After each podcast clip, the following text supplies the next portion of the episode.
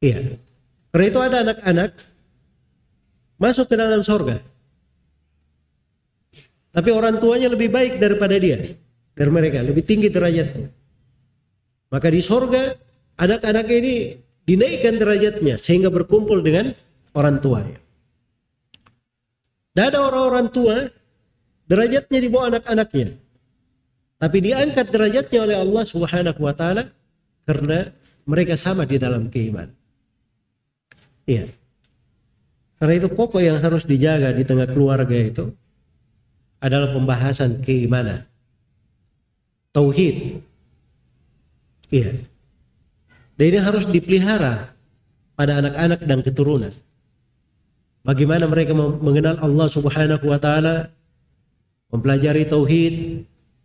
Kalau kurang di dalam sebagian amalan-amalan, apalagi di masa sekarang ini ya, itu kadang sulit untuk kita hindari.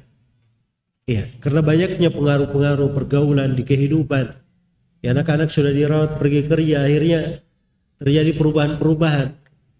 Ya, hanya kalau ditanamkan padanya nilai-nilai keimanan, tauhid yang benar, ini yang sebenarnya inti dari kebaikan untuk anak itu.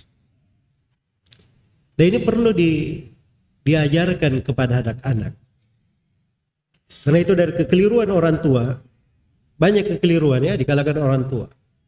Kadang anak-anaknya diberi pendidikan, betul diberi pendidikan Islam, diajari membaca Al-Quran, ya.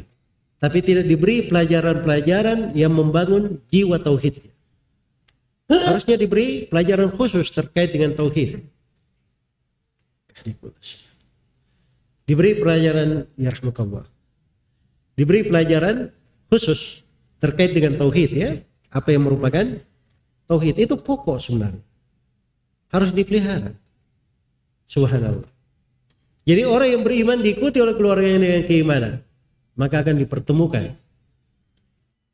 Akan dipertemukan di akhirat oleh Allah Subhanahu wa taala di dalam surga.